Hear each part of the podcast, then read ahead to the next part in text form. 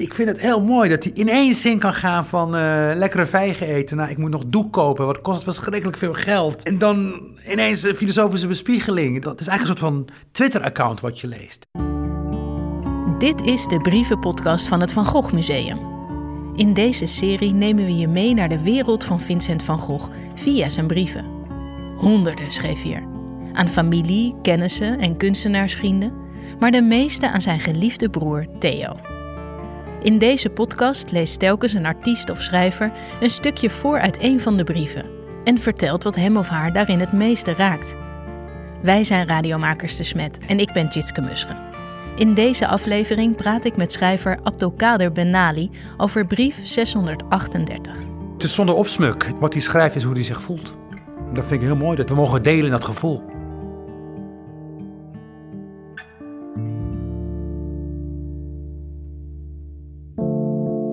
Vincent heeft zijn draai gevonden in het zonnige Zuid-Franse Arles.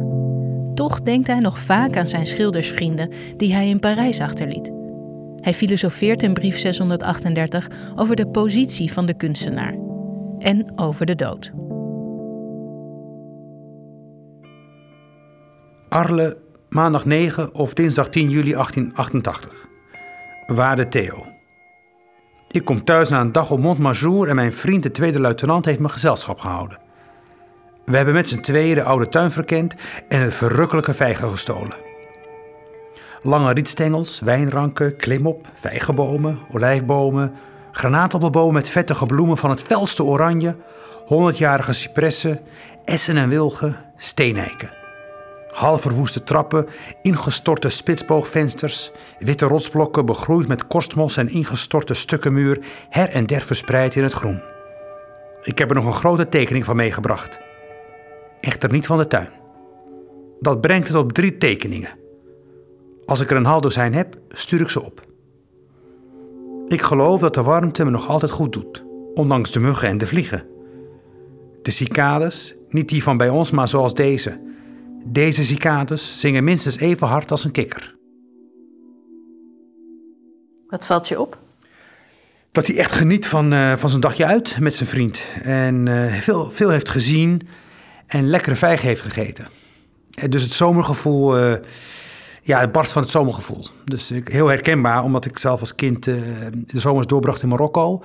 En die zomers die werden gekenmerkt door twee dingen, namelijk de knetterende cicades in de agaves die zich daar schuilhielden en de enorme rijpe vijgen die waten. Er kwam geen eind aan de zoetigheid.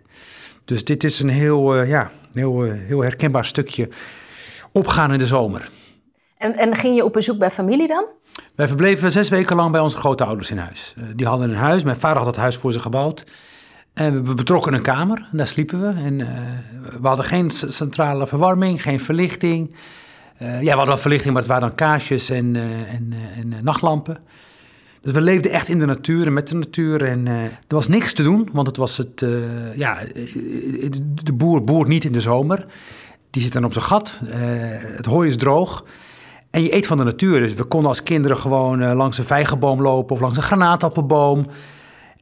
En dan plukten we gewoon een vijg en die aten we dan op. En dat doet meneer Van Gogh hier ook. Dat gevoel, heel kinderlijk gevoel wat het oproept. En ook dat alles heel fel is. Hè? Hij zegt hier uh, granaatappelbomen met, met vettige bloemen van het felste oranje. Heel herkenbaar, want die granaatappelbomen brengen een soort van kelkbloemen uh, voort. En die, worden, uh, die, die, die, die, nemen, die, die nemen een oranje kleur aan. Het is heel fel. En je moet je voorstellen, dit is in de Provence, het zuiden van Frankrijk, Middellandse Zeegebied. Dan, dat steekt natuurlijk heel erg sterk af tegen het, tegen het verwoestende licht. En ja, dat, dat, dat, dat, dat, dat vergeet je niet het is een heel goed seizoen voor de herinnering. Want in de herinnering uh, uh, uh, wordt zo'n zomer heel intens ervaren. En, en ik denk dat, dat, dat, dat wat Van Gogh schrijft eigenlijk een soort van oefening is op het weer gaan laten zien van dat moment in zijn, in zijn werk. En die cicades? Ja, die cicades zijn heel nadrukkelijk aanwezig in mijn jeugd.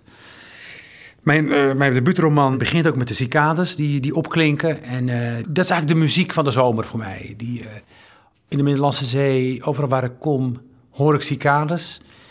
En tegen het vallen van de avond dan gaan ze op een hardst. En dan valt de avond en dan houden ze in één klap op. En dan is het avond. Dus het is ook avondklok.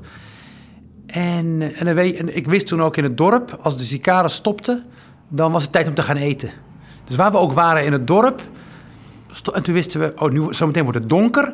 Er is geen verlichting in het dorp, dus dan, wordt het ook, dan, dan vind je je weg niet meer terug naar huis. Dus we moeten heel snel richting grootmoeder, want we gaan zo meteen eten. Nu heb ik binnenkort weer doek en verf nodig. Maar ik heb het adres nog niet waar je dat doek van 40 francs per 20 meter kunt krijgen. Ik denk dat ik er goed aan doe om op dit moment vooral aan tekeningen te werken en ervoor te zorgen dat ik verf en doek in voorraad heb voor als Gauguin komt.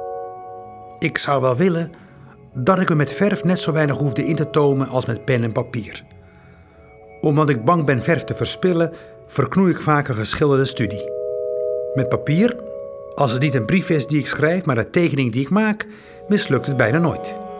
Zoveel vellen, zoveel tekeningen. Ik geloof dat ik, als ik rijk was, minder zou uitgeven dan nu. Hoe lees jij dit? Nou, ik moest meteen denken aan een vriend van mij die schilder is. En ook een zeer, uh, zeer begenadigd schilder. En uh, die, uh, daar was ik laatst op bezoek en die, die tekent nu heel veel, maakt heel veel werk op papier. En ik ken hem als een doekenman. En toen vroeg ik, wat, ja, waarom, waarom doe je dit op papier? En zei hij, ja, dat is goedkoper.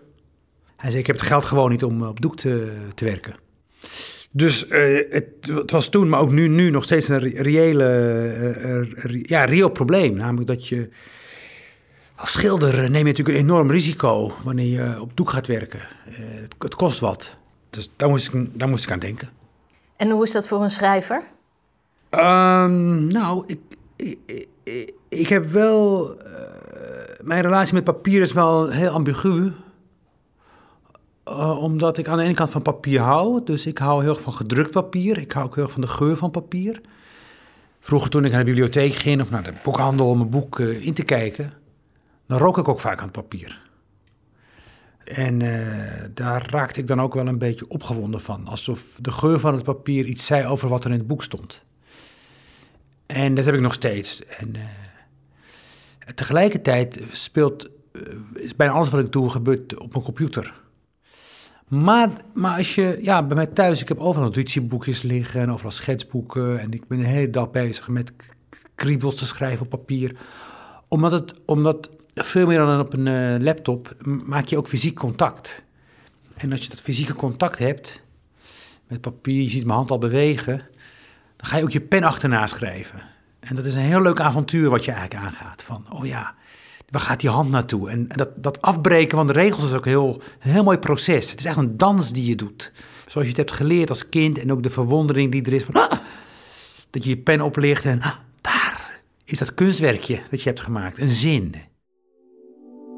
Het is inderdaad een vreemd verschijnsel dat alle kunstenaars, dichters, muzici, schilders materieel gezien ongelukkig zijn. De gelukkigen ook. Dat doet weer de eeuwige vraag reizen: is het leven in zijn geheel zichtbaar voor ons? Of kennen wij er voor de dood slechts één halfrond van?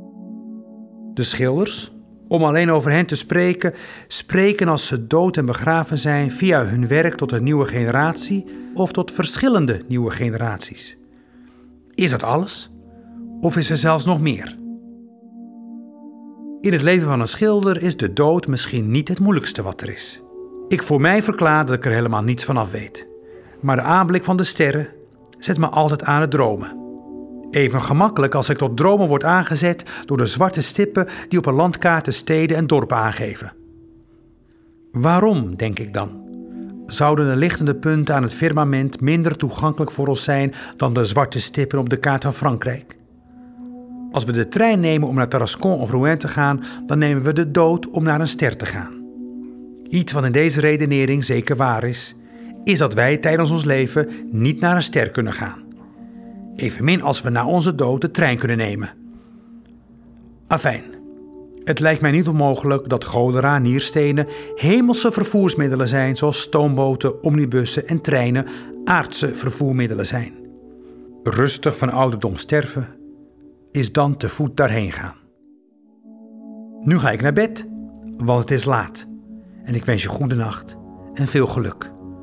Met een handdruk. Tout à toi, Vincent. Ja, hoe, hoe, vaker ik dit lees, hoe, hoe, minder, ik, hoe minder ik het begrijp. Um, ja, misschien had hij een drankje op toen hij dit schreef. Maar ik, ik, ik sla wel aan op dat dromen van dat je, dat je naar een kaart kijkt en dat je gaat reizen in, de, in, in het hoofd. dat je, ik had dat ook als kind, dat je de atlas opensloeg en dan stond er allemaal Mata of uh, Mongolië of Japan of Vladivostok. Vladivostok was zo'n plek waar, waar ik meteen naartoe wilde. Vladivostok. En, en, dat, en je kon er met de trein naartoe. Weet je, dus, dus, dus dan sloot ik mijn ogen en dan opende ik mijn ogen weer en dan, en dan verbeelde ik me dat ik in die trein zat.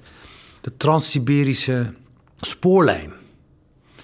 Ja, dat, en dat ging over land. Ja, dat, dat, als kind ben je meteen buiten jezelf. En misschien bedoelt hij iets te willen zeggen over dat je soms, om het absolute voor te stellen, namelijk de dood in dit geval, dat je soms uh, daar hardop over moet dromen. Dat eigenlijk het, de verbeelding zelf een poging is om iets voor te stellen wat je, wat je niet kan ervaren. De, de, en dat, dat roept dan vragen op over,